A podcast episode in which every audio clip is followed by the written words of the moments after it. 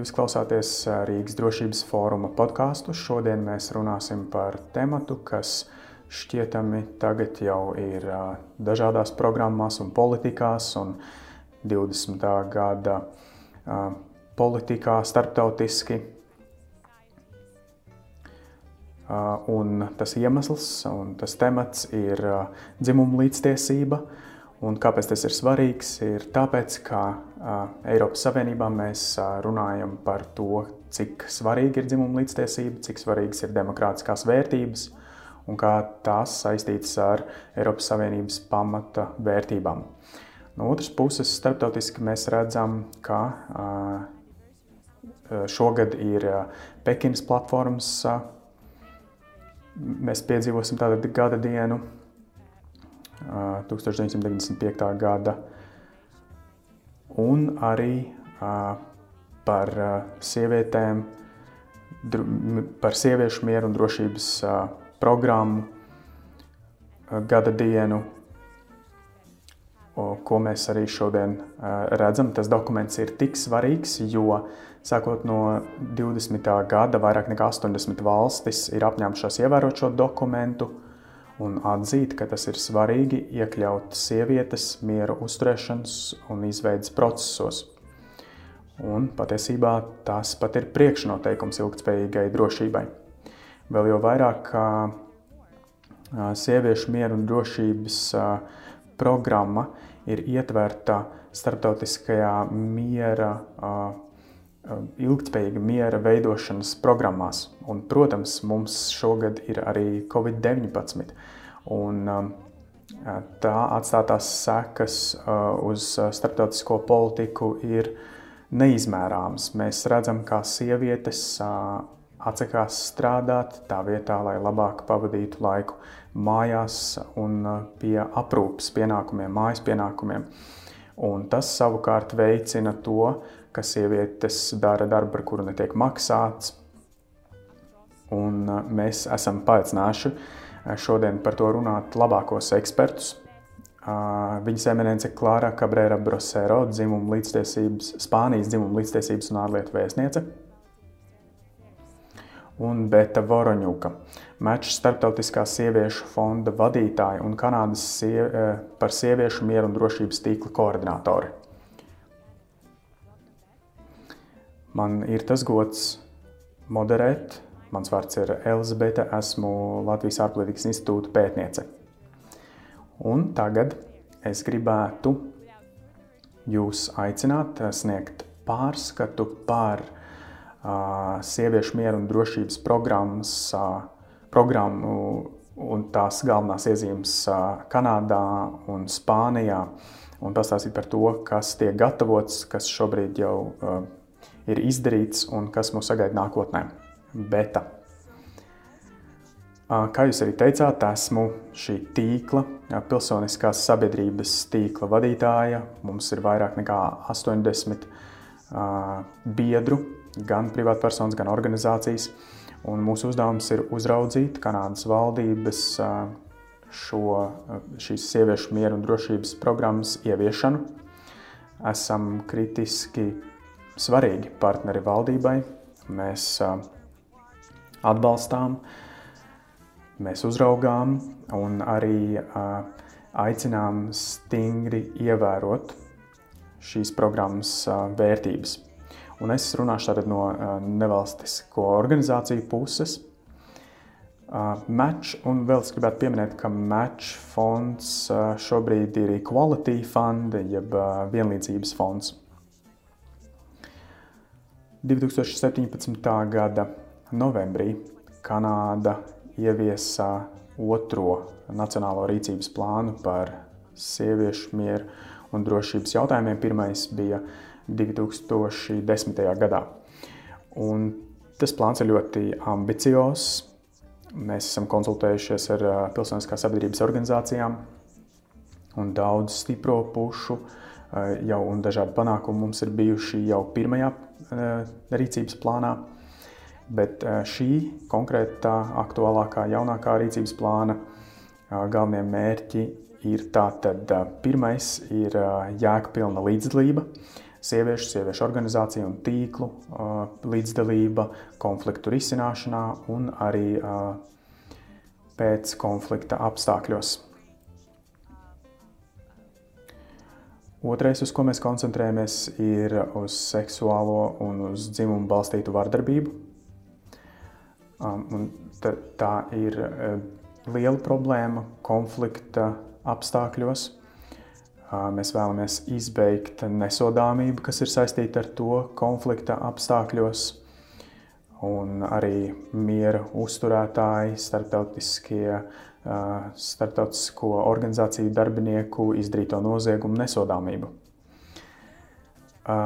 Vēl viens fokus punkts ir sieviešu un meiteņu tiesību aizsardzību, dzimumu līdztiesību, viņu atbalstu, tieši konflikta apstākļos. Ceturtais mērķis ir seksuālā un reproduktīvā veselība un tiesības. Humanās palīdzības kontekstā tas ir tātad seksuālo tiesību ievērošana. Un visbeidzot, ir mērķis arī par miera operācijām, kur Kanāda ir apņēmusies iesaistītas sievietes vairāk, izvietotās vairāk tieši bruņoto spēku operācijās un policijas spēkos starptautiski. No manas perspektīvas tas ir tas, ko es redzu, kas ir svarīgs šajā nacionālajā rīcības plānā. Pirmkārt, tā ir arī feminisma programma, Tas tātad bija pirms trīs gadiem ministra Frīlenda. Ir noteikusi, kāda ir šīs programmas vieta un svarīgums visā valsts politikā, un tā koncentrējas uz uh, sieviešu un meiteņu tiesībām un nodrošina to, ka sievietes vairāk iesaistās starptautiskā miera veidošanā un uzturēšanā. Tā ir skaidra apņemšanās atzīt sieviešu seksuālās un reproduktīvās veselības tiesības,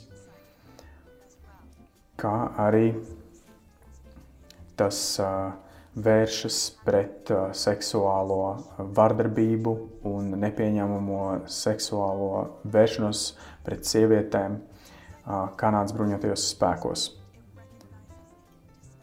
Tātad šī loma ir ļoti svarīga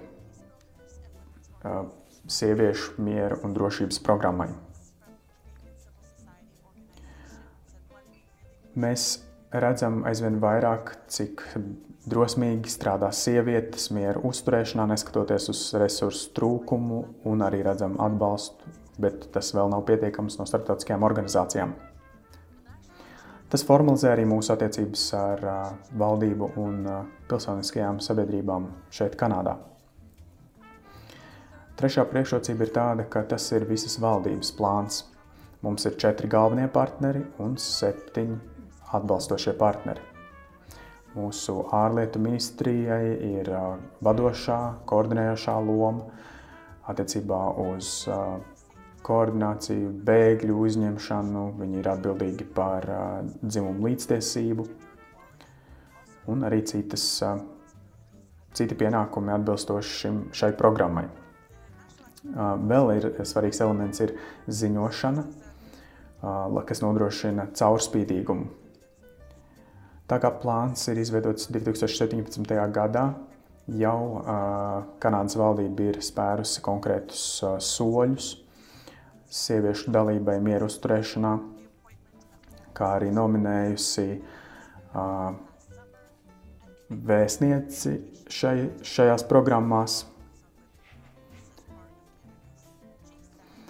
Kanāda arī strādā ar uh, kontaktpunktu tīklu ar Urugvaju un Mēs strādājam ar organizācijām, kas, tas, kas nodarbojas ar LGBTIQ tiesībām. Un, protams, ir jāpiemina arī tas, kurš šo plānu vēl var uzlabot. Pirmkārt, mūsu tīkla biedri ir norādījuši uz politikas ievērošanu, par to, vai tas izraisa pietiekoši plašas diskusijas par tiesību ievērošanu. Piemēram, Kanādas darījumi ar Sauda Arābiju, bruņotajiem spēkiem. Tātad ar valsti, kurā netiek ievērotas tiesības, kā arī mēs esam redzējuši piemērus ar ieguvis uzņēmumiem, kas ir ignorējuši šo tiesību ievērošanu. Mēs vēl aizvien redzam neizpratni par terminiem, par to, kā tie tiek izmantoti, par to, kā tas tiek pārprasts. Tātad visi šie mūsu izmantotie termini tiek izmantoti dažādi, savstarpēji tiek mainīti, taču tie, tās ir koncepcijas, kuras valdība acīm redzot nesaprot. Vēl mums plānam arī nav skaidra budžeta, mums nav skaidra no, no valdības puses nav skaidra plāna par to, kādas ir, kāda ir mūsu izdevumi un kādas investīcijas mums ir nepieciešamas. Vēl uh, otrais šis ikgadējais ziņojums, tas tika kavēts, un mēs vēl aizvien to gaidām, ziņojums par šīs programmas īstenošanu. Mēs zinām, ka pastāv liela atšķirība starp resursiem, kas ir nepieciešami darba veikšanai, un resursi, kādi tiek saņemti no starptautiskajām organizācijām. Tas ir tīklam. Es ceru, ka tas jums ir devis nelielu pārskatu par to, par kādām problēmām strādā un kādas ir šīs iniciatīvas, kas ir uzsāktas mūsu sabiedriskajā, pilsoniskajā sabiedrībā. Paldies, Beta! Mēs turpināsim ar Klāras viedokli šajos jautājumos. Paldies! Paldies, Elizabete, un paldies, Beta, par uh, brīnišķīgo izklāstu. Tiešām ļoti interesanti redzēt no perspektīvas, no pilsoniskās sabiedrības organizāciju viedokļa. Ir dažas lietas, ar kurām es atkārtošos, jo Spānijā, Kanādā mēs esam viensprātis par šo par sieviešu mieru un drošības programmu. Un, kā mēs zinām, Kanādā ir feminisma ārpolitikas programma. Es gribētu arī tajā, ko es teikšu, pastāstīt par to, kā Spānija uzņemas līdera lomu un arī par nacionālo rīcības plānu, bet eh, man šķiet, ka eh, bet arī paskaidroja, kā šis plāns strādā. Kā jūs zināt, sieviešu miera un drošības programma arī Spānijā jau darbojas daudzus gadus. Un ANO drošības padomus darba ietvaros. Un tajā mēs redzējām un vēl aizvien ticam, ka institucionālais ietvers ANO ir nepieciešams un tas ir jāpastiprina un jāatbalsta, lai vēl vairāk tieši veicinātu mūsu prioritāšu ievērošanu. Ko mēs darījām? 2242 rezolūcija. Tas, ko mēs izdarījām, protams, rezolūcija ļoti ambicioza, bet 15 gadus pēc 2025 rezolūcijas tajā tika atzīmēta vairāk uzsvērta sieviešu līdzdalība visās konfliktu fāzēs. Protams, 2025 rezolūcijā arī pie tā jau tika strādāts. Un pie tā, lai tiktu veicināta līdztiesība un, un protams, Iepriekšējā rīcības plānā tika iezīmēta nepieciešamība pēc aizsardzības, it īpaši seksuālas vardarbības. Bet 22, 42 rezolūcijā tas, ko mēs izdarījām, mēs pasvītrojām šos līdzdalības aspektus un aicinājām ANO valstis apliecināt savu atbalstu un arī atzīmējām vairāk sieviešu lomu šajā miera nodrošināšanā. Un kā jūs zināt, Tātad tajā laikā uh, mums bija arī drošības padomē liela pārstāvniecība, mums bija arī pilsoniskā sabiedrība, kas piedalījās debatēs, un arī šobrīd tas ir viens no vadošajiem partneriem diskusijās. Mēs esam izveidojuši vairākus mehānismus, darbības mehānismus ANO. Viens no tiem jau tika pieminēts, bet tas runā, tas ir kontaktpunktu tīkls, Un es gribētu vēlreiz pasvītrot uh, lielisko darbu uh, Kanādai ar Urugvaju, tīpaši šajā um, sarežģītajā gadā. Un ir bijuši dažādi pasākumi ar ļoti daudz uh, sieviešu mieru uzturētāju dalību. Tas bija ļoti interesanti. Bet vēl mēs gribējām veicināt un atbalstīt ANO drošības padomus darbu izveidojot ekspertu grupu drošības padomē. Un, uh, 2016. gadā šī grupa tika izveidota un tā strādāja pie dažādu situāciju analīzes. Tad, ko tā dara, ir, un tās mērķis ir uh, ne tikai veicināt uh, drošības padomus uh, misijas dažādās valstīs, bet arī specifisku uh, sieviešu mieru un drošības programmas ieviešanas eh, punktus. Un ko mēs esam darījuši un ko esam paveikuši šogad, um, un arī tieši gada dienas uh, gadā mūsu programmas. Pirmkārt, mēs esam sapratuši, ka neskatoties uz to, kā sieviešu miera un drošības programma ir par tātad sieviešu tiesībām, mieru un drošību, bet tā ir arī par mieru un drošību kopumā starptautiski. Mēs esam prezentējuši cilvēktiesību padomē šo programmu un pasvītrojuši tās nozīmi darbā ar mieru uzturēšanu starptautiskās misijās. Un Līdz ar to mēs esam cilvēktiesību padomē veicinājuši tātad programmas ieviešanu visās, tā, visās tās līmeņos un programmu virzījām arī cilvēktiesību programmās un jautājumos. Man šķiet, ka tā rezolūcija ir ļoti interesanta, jo tā pastiprina atbalstu cilvēktiesību programmai. Un visbeidzot, um, es gribētu teikt, ka 2017. gadā um, mums arī, mēs arī ieviesām otro rīcības plānu. Es domāju, ka tam ir ļoti daudz līdzīga, kopīga ar Kanādu. Un mēs veicām arī visu ministriju koordinēšanu. Tas ir ļoti svarīgi arī Elizabete, ja jūs gribējāt runāt par um, ārējo un iekšējo dimensiju. Un mēs to darījām Tātad koordinējām visas ministrijas, jo mūsuprāt, programmai ir jābūt visur, tātad visu, visā valdības darbā jābūt pārstāvētai. Un mūsu mērķi ir ļoti līdzīgi ar to, kā stāstīja Bēta par uh, līdzdalību un prevenciju. Un mēs arī strādājam pie uh, uzraudzības uh, ziņojumiem katrus divus gadus, un parlamentam tos prezentējam.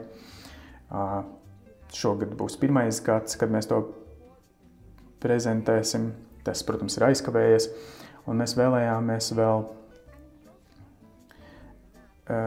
runāt par īpaši interesantiem punktiem. Mūsuprāt, tas ir par uh, sieviešu un meiteņu cilvēktirdzniecību, un arī par migrantiem un tātad emigrantiem un patvērumu meklētājiem.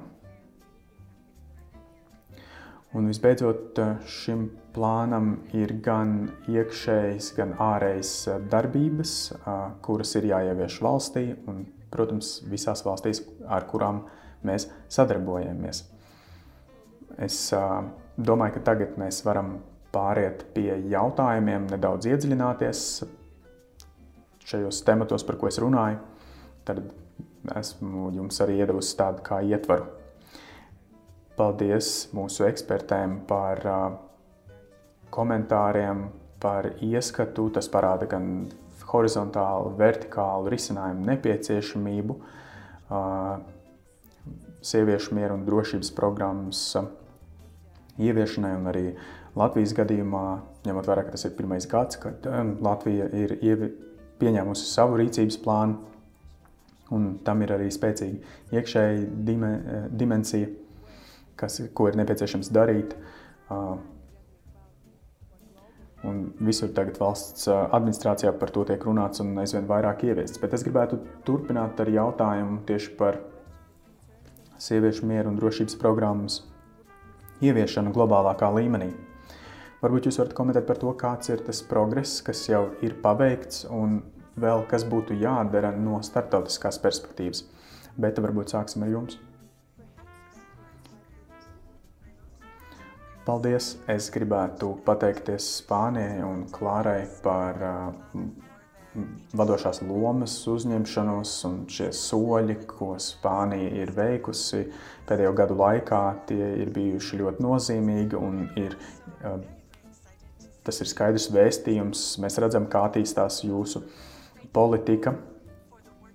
Paldies, ka jūs to darāt. Jūsu darbam ir arī globāla nozīme. Ja mēs paskatāmies uz progresu pēdējo 20 gadu laikā, no vienas puses varētu teikt, ka ir visai nomācoši, jo pagājušajā gadā mēs esam ļoti daudz skatījušies par to, nu, cik tālu mēs esam tikuši, ko mēs esam, uh, ko mēs esam paveikuši. Mums ir vairāk rezolūciju, mums ir skaidrāk artikulēts tas, kas ir vēl nepieciešams izdarīt, kādas ir saiknes. Mēs, mēs redzam, kā Klāra arī minēja, tad, par ko ir šī programma un ka valdībām ir jāskatās ne tikai uz uh, uh, ārpolitiku, ārpolitiku bet, uh, bet arī nekonflikta situācijās, ko šī programma nozīmē. Tas ir tas, ko mēs dzirdam no Centrālā Amerikas, no Dienvidamerikas kolēģiem, kad viņi stāsta par to, ka viņi pieredz lielu, uh, plašu vardarbību. Uh, bet mums ir jāiesaista sievietes atbilstoši programmai uh, miera uzturēšanā, uh, dzimuma līdztiesības izpratnē. Mēs redzam, ka tajā tā tad ir uzlabojumi, bet tomēr izpratne uh, un uh, izmaiņas ir ļoti lēnas. Esam dzirdējuši uh, sievietes mieru uzturētājs uh, sakām, ka nekas nav mainījies, ka vēl joprojām tiek notiek cīņa par finansējumu, ka vēl joprojām notiek diskusijas un pārunas. No Jemenas mēs dzirdam, ka sievietes netiek uzklausītas oficiālajās pārunās par konfliktiem. Vēl aizvien ir ļoti daudz uh, neizpratnes. Un um, ģenerāla uh, sekretariātā ziņojumā šogad uh, ANO ir uh, tātad tiek teikts, ka mēs uzsākām šo 20. gada dienas ziņojumu ļoti pozitīvi. Tas ir iekļāvām visus datus, visu, ko apskatījām, bet, bet visbeidzot mēs sapratām, ka mēs nespējam uzrakstīt nekādu pozitīvu, neko pozitīvu šajā ziņojumā. Un tas aizvien vairāk veicina tieši to domu, ka izmaiņas, pārmaiņas nenotiek pietiekoši ātri.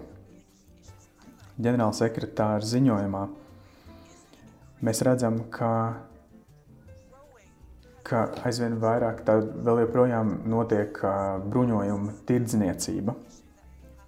Pagājušajā gadā mēs runājam par to, ka globālā, globālais militārais budžets ir, ir audzis, un tas ir, tas ir bijis lielākais pieaugums tieši desmit gadus laikā. Un tad mēs saprotam, ka tās ir tās lielās problēmas, kuras, ar kurām mums ir jāsastopas ar atbruņošanos. Un papildu tam, ka ir jārunā par sieviešu iesaisti mieru uzturēšanā. Lūk, tas savukārt nozīmē, ka Tā tad ir šī nesakritība ar to, ka mēs ļoti lielus līdzekļus, ļoti lielus līdzekļus veltām uh, bruņojumam, jo ne jau iznīcinātāju lidmašīnas palīdzēs uh, uh, tikt galā ar vīrusu. Tāpēc būtu plašāk jāskatās uz to, kāda uz mūsu drošības jautājumiem. Klāra, varbūt jums ir kādas idejas? Es gan vēlētos būt nedaudz optimistiskāka, kaut arī piekrītu Betai. Manuprāt, tagad mums ir piecas uh, valstis, kurām ir jāievieš uh, sieviešu uh, mieru un drošības programmas. Un, un, un vispār man ir jāsaka, ka manuprāt, šīs programmas ļoti daudz palīdz progresam tieši mums ir vairāk jāstrādā par to, kādus lēmumus mēs pieņemam programmas ietveros, ka tam ir aizvien lielāka ietekme. Bet sieviešu un meiteņu tiesību saikne ar mieru un drošību ir mūsu viens no lielākajiem mērķiem. Tāds tas ir bijis jau pirms 20 gadiem, un tagad, pēc 20 gadiem, mēs redzam piecas valstis, kuras, un arī tām sekos citas valstis, kurām ir feminisma politika pieņemta. Tad tas būtu pozitīvi, bet no otras puses mums ir ļoti daudz tādu datu, kas liek mums uztraukties par to, ka situācija neuzlabojas. Un, ja es nemaldos, tad uh, ka analīze rāda, ka tikai 6% mediātoru ir sievietes, tikai 6% pārunu vadītāji ir sievietes. Un mēs aizvien esam ļoti zemā līdzdalības līmenī, un tas nav vienīgais uh, uztraukuma punkts visām valstīm, kuras ir apņēmušās ievērot šo programmu un ieviest. Tas ir tas, kādā virzienā mums ir jāstrādā. Un mēs esam teikuši, ja sievietes nepiedalās visās konflikta fāzēs, tad, mēs, tad, tad šī, šis miers nebūs ilgtspējīgs. Tas ir tas mūsu ultimāts un pie kā mums būtu jāstrādā. Un tas ir piemērs, kas mūs demotivē. Uh, Un atskatoties uz pagājušajiem gadiem, mums ir arī pozitīvi, bet, protams, izaicinoši piemēri, piemēram, Kolumbijas procesi, kur sieviešu organizācijas, pilsoniskā sabiedrības organizācijas.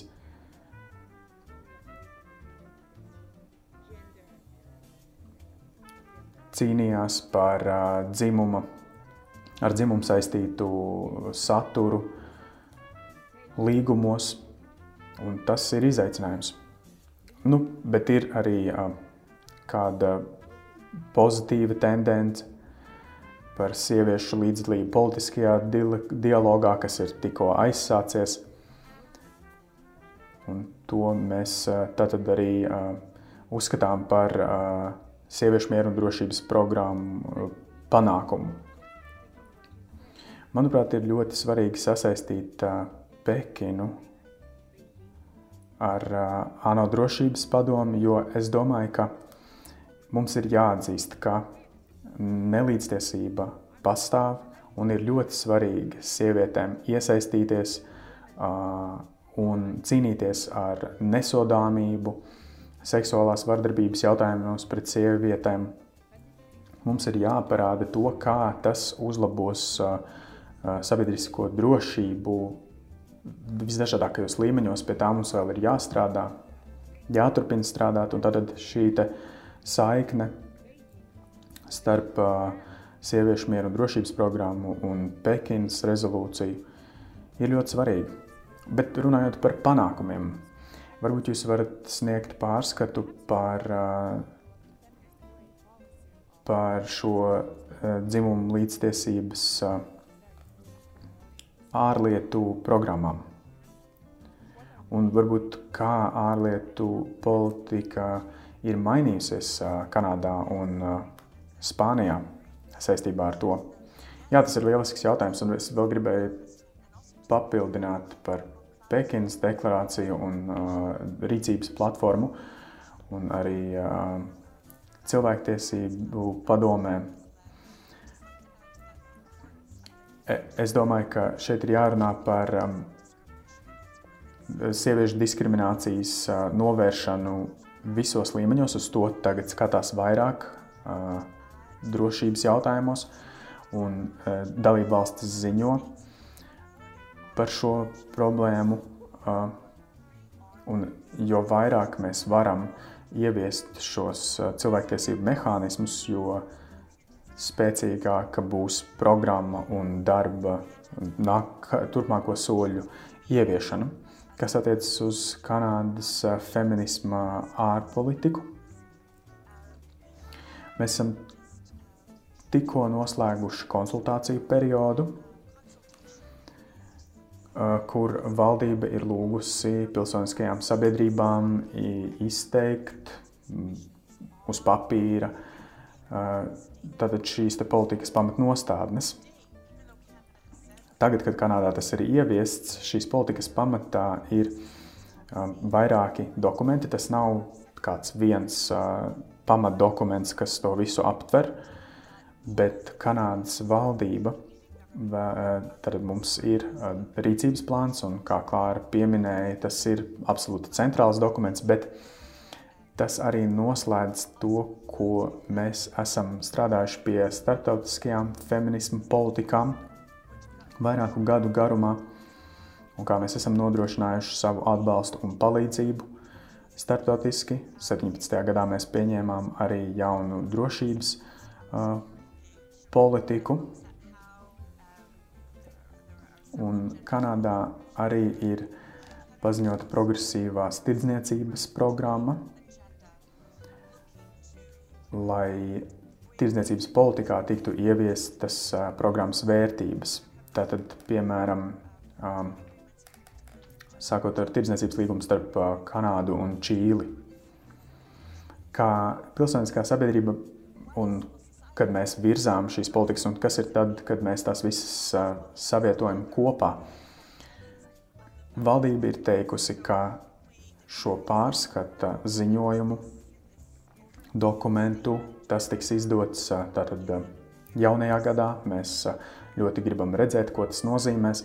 Mums ir indikācijas tam, ka papildu politikām tiks ietverti dažādi principi, cilvēku tiesību principi, bet mēs arī ceram, ka politikās tiks ietverts, kā mēs runājām, piemēram, mēs nevaram runāt par sieviešu ārpolitiku, ja mums iekšēji, tātad iekšpolitikā nav šo nostādņu un, un nepieciešamo elementu.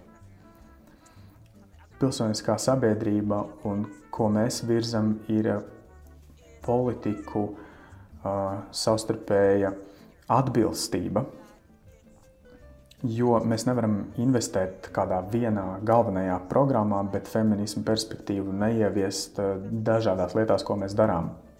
Kā jau arī minēju, eh, un tas ir mūsu uztraucis, ir, ka Kanāda, piemēram, ir pieļāvusi eh, bruņojumu tirdzniecību ar Saūda Arābiju.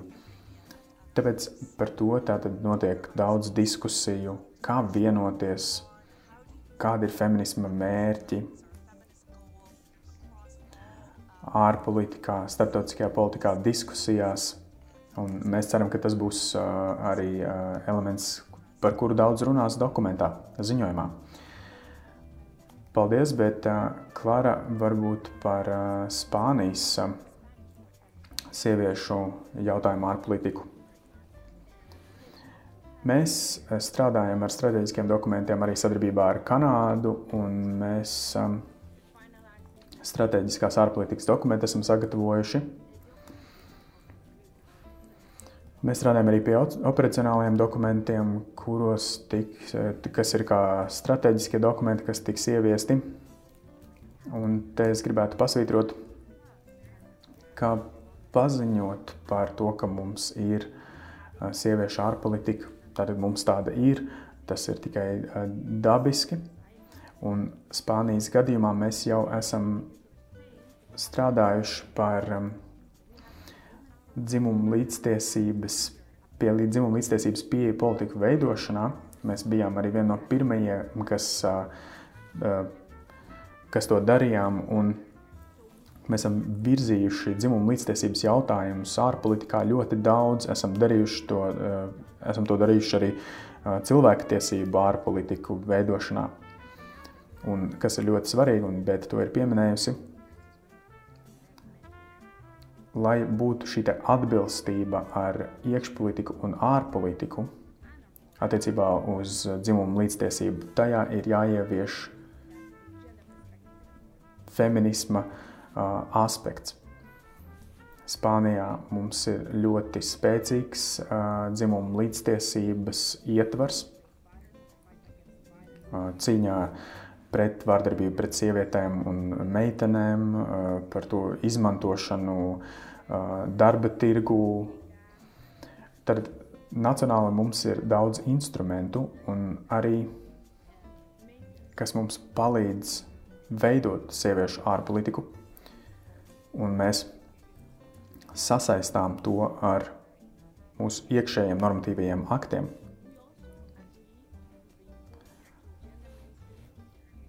Visās mūsu ārpolitikas jomās mēs ļoti virzām tieši dzimumu līdztiesības un iesaistes jautājumus. Bet, protams, ir izaicinājumi aizsardzības politikā, tirdzniecības politikā, arī ekonomiskajā diplomā, diplomātijā. Un tas, ko mēs esam darījuši, ir mēs strādājām pie dokumentiem, un atbilstoši tiem mēs esam ieguvuši rīkus,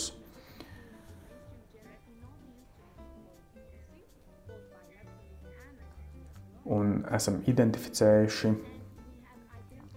tādas jomas vai tematus, kurās mums šķiet, ka Spānijai ir pievienotā vērtība un kur mēs varam strādāt vēl vairāk un padziļināt mūsu uh, iesaisti. Piemēram, uh, līdzdalība civilajās misijās, seksuālās, reproduktīvās veselības uh, tiesību ievērošana, uh, cilvēktiesības biznesā, politikā un plānā kā arī Eiropas Savienības iekšējās tirdzniecības dokumentos. Tāpēc mēs ārpolitikas instrumentos ieviešam dzimumu līdztiesības aspektus, bet ir aspekti, pie kuriem mums vēl ir jāturpina darbs.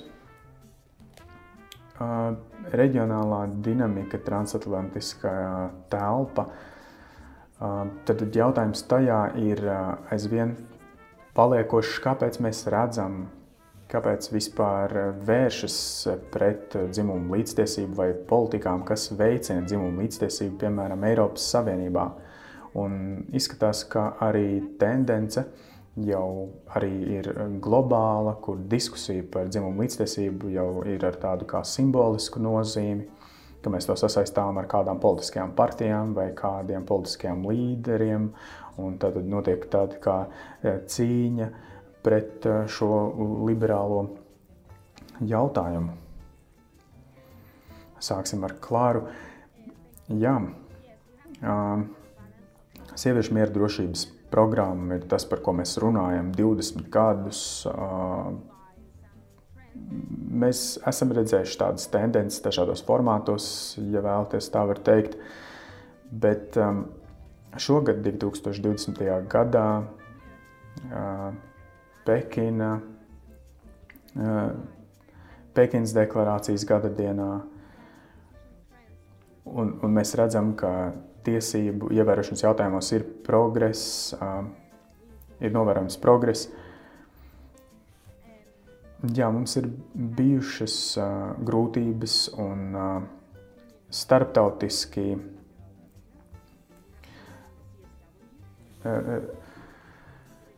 starptautiski dažādas problēmas, kas ir tikai pastiprinājušās pēdējo gadu laikā par seksuālajām tiesībām, par vardarbību Un mēs redzam arī to, ka ir valstis, kuras bloķē mūsu centienus un politikas virzību.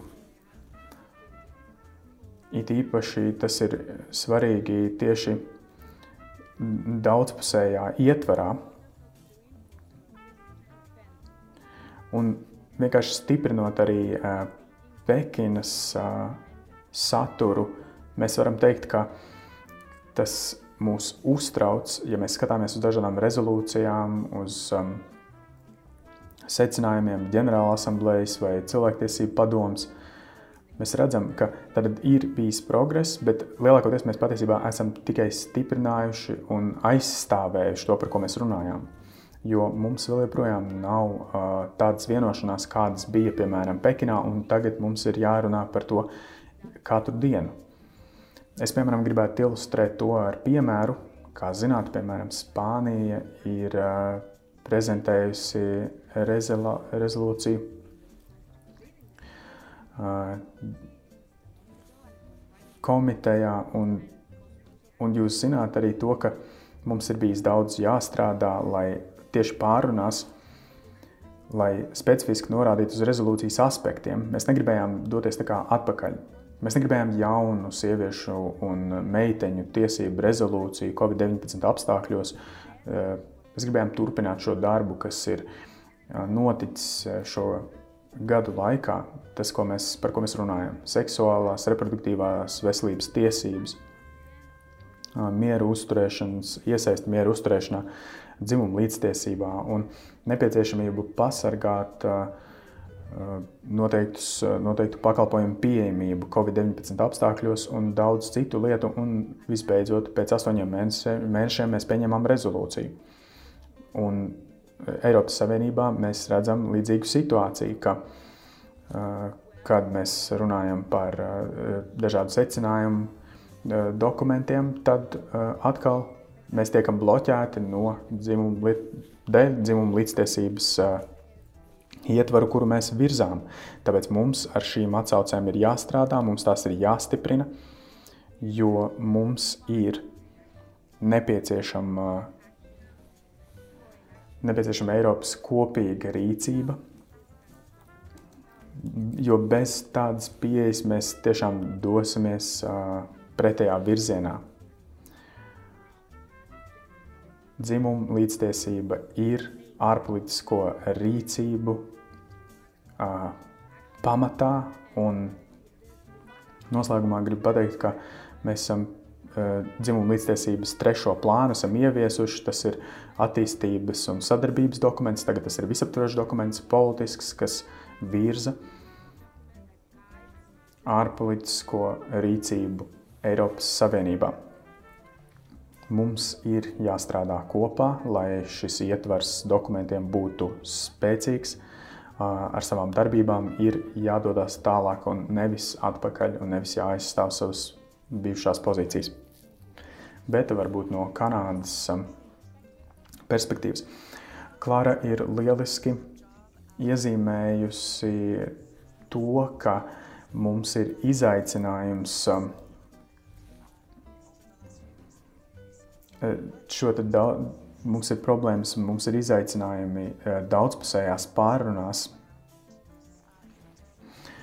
Mēs redzam, ka, ka tiek organizēta, eh, organizētas kampaņas, dezinformējušas kampaņas pat vietējā līmenī, kur mēs redzam, piemēram, ir dažādi pilsētu pašvaldību rīcības, eh, darbības, neizmantot kaut kur vārdu dzimumu līdztiesība, uh, vai tādas kampaņas, kas ir anti-ģimenisku vērtību kampaņas, kuras runā par Eiropas vērtībām. Un tas, kas ir patiešām uztraucoši, ir, ka tas nav tikai Eiropas fenomens. Tas mani pārsteidz. Es dzirdēju to pašu Ukrajinā, Kolumbijā. Kā minēja Klāra, ļoti progresīvi runājot par sieviešu tiesībām, LGBTQ tiesībām. Un, piemēram, referenduma laikā Kolumbijā tas tika izmantots, kas noveda pie tā, ka referendums neizdevās, jo cilvēki domāja, ka tas iznīcinās ģimenes, ka tam būs negatīvas sekas dzīvē Kolumbijā. Un tieši tādas pašas lietas, ko mēs redzam Kolumbijā, notiek arī Ukrajinā. Tur tiek izmantota tieši tie paši vārdi, frāzes. Tas, tas nav spontāni, tas ir lieliski organizēts un uh, finansēts pasākums tam ir labs finansējums, un tas ir tas, ko mēs redzam, kas notiek dažādās jomās. Un kolēģi arī runājuši par to dažādās Āzijas daļās, reģionos, ka šādas kustības ir paliek aizvien spēcīgākas. Un no kurienes tas nāk? Mums ir fundamentāls problēmas par sieviešu līdztiesību. 2021. gadā mums ir jāatgriežas. Nē, bet mums ir jāspiež pretī ar savu uh, spāru uh, spēku. Tieši daudzpusējo nolīgumu ietveros. Un saistība tam ir tāda, ka ekonomiskā nelīdztiesība un tās pieaugums starptautiskajā sistēmā, kur mums ir skaidri nosakāmi uzvarētāji, zaudētāji, ekonomiskās restruktūrizācijas, mums tā visa apstākļos ir jāpārliecinās, ka mēs nodrošināsim īpaši tagad, Covid apstākļos, ka bailes no ekonomiskās krīzes ir, lai tās nekļūtu par to, iemeslu, kāpēc cilvēki sāk meklēt vainīgos, ka viņi zaudē statusu, pozīciju ekonomikā un sabiedrībā. Tāpēc man šķiet, ka mums ir jā, jārunā ļoti gudri par to, kā tiek organizēta šī kampaņa, kā mēs varam koordinēt uh, un arī savākt kopā aktīvistus. Es skatos uz uh, attēliem no Polijas. Es uh, izrādu absolūti augstāko cieņu pret sievietēm Polijā, Baltkrievijā, kuras cīnās, kuras ir aktīvisti tur uz vietas. Un eh, es domāju, ka viņām ir vajadzīgs atbalsts globālā līmenī. Un varbūt es gribu vēl pajautāt, vai Covid būs uh, globāls sekas uz dzimumu līdztiesības jautājumu, neievērošanu un problēmām. Tas pastiprinās. Jā, mēs redzam, ka šie aspekti ir dažādi. Kanādā mēs redzam, ka sieviešu uh, iesaiste un atalgojuma atšķirības. Uh, tad mēs redzam, ka sievietes vairāk pieskata bērnus. Bērni šobrīd ir mājās, un šobrīd sievietes turpina strādāt. Un, un, un vēl aizvien pieskata bērnus. Tas ir tie, tie jautājumi, par ko mēs runājam ļoti daudz. Bet, lai varētu turpināt darbu, mums ir vajadzīga nevis tāda atjaunošanās ar prefiksu re, bet ar tieši viņa atjaunošanās pateicoties sieviešu aktīvismam un sieviešu tiesību ievērošanu. Tas nav nekas, tas nav kāds pielikums, tam ir jābūt visa pamatā, un mums ir jāsaprot, ka uh, nelīdztiesīgas prakses uh, nav tās, ar kurām mēs varēsim virzīt savas politikas turpmāk. Bieži vien uh, recesiju gadījumā mēs investējam infrastruktūrā, tiltos, ceļos. Mēs to redzam, ka tas ir virzītājs spēks ekonomikai, bet tagad mums ir jārunā par investīcijām bērnu aprūpē, sociālajās struktūrās, kas palīdz mm, cīnīties ar ekonomiskajām sakām arī tieši Covid apstākļos. Un es redzu, ka tā ir problēma arī citur pasaulē. Varbūt kādas rekomendācijas vēl vai komentāri no jums, Klara. Jā, es pilnīgi piekrītu. Patiesībā Covid-19 pirmo nedēļu laikā ANO ģenerālsekretārs ziņoja, ka ir, tam ir liela ietekme un sievietes un meitenes ir jāiesaista visos procesos tieši cīņā pret Covid šajās atgūšanas, atgūšanās rīcībās. Un tas, ko mēs darām, ir mēs iekļaujam šos jautājumus, kā tas ietekmē sievietes un meitenes, un kas būtu jādara, kāda krīze viņas ietekmē. Un, protams, ka es piekrītu. Spānija ir sākusi arī vadīt šo fórumu, un darbs ir, darbam ir bijis rezultāts mums jau tagad ir. Jo mēs tagad strādājam pie prioritāšu definēšanas nacionālā līmenī, starptautiski. Un šobrīd, kad mēs esam Covid krīzē, mēs redzam, ka tās prioritātes ir tikai augstākas. Piemēram, neapmaksāts aprūpes darbs ir Spānijas nacionālā prioritāte viena no prioritātēm.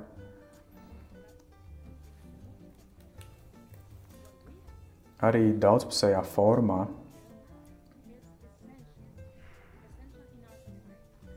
neapmaksāts darbs, tas ir, ir liela problēma mūsu sabiedrībās. Tas parāda, ka, ka sievietes atpaliek dažādās ekonomiskajās sfērās. Un kāpēc? Tāpēc, ka viņas veic neapmaksātu darbu daudzās valstīs.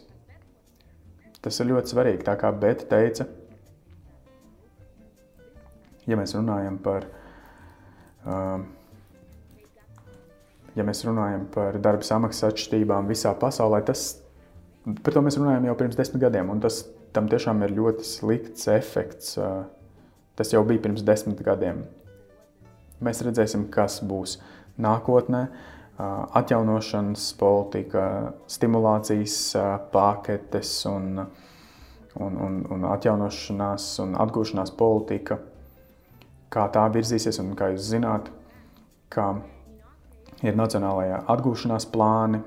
Mūsu gadījumā tam ir tādas kā trīs, četras asis. Viena no tām ir dzimuma līdztiesība un neapmaksāta darba problēma.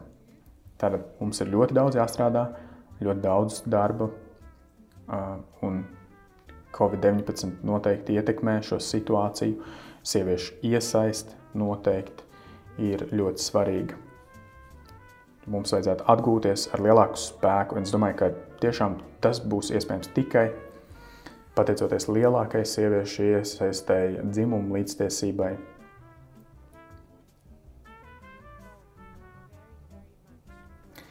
Paldies mūsu ekspertiem par um, pārsteidzoši interesantiem ieskatiem.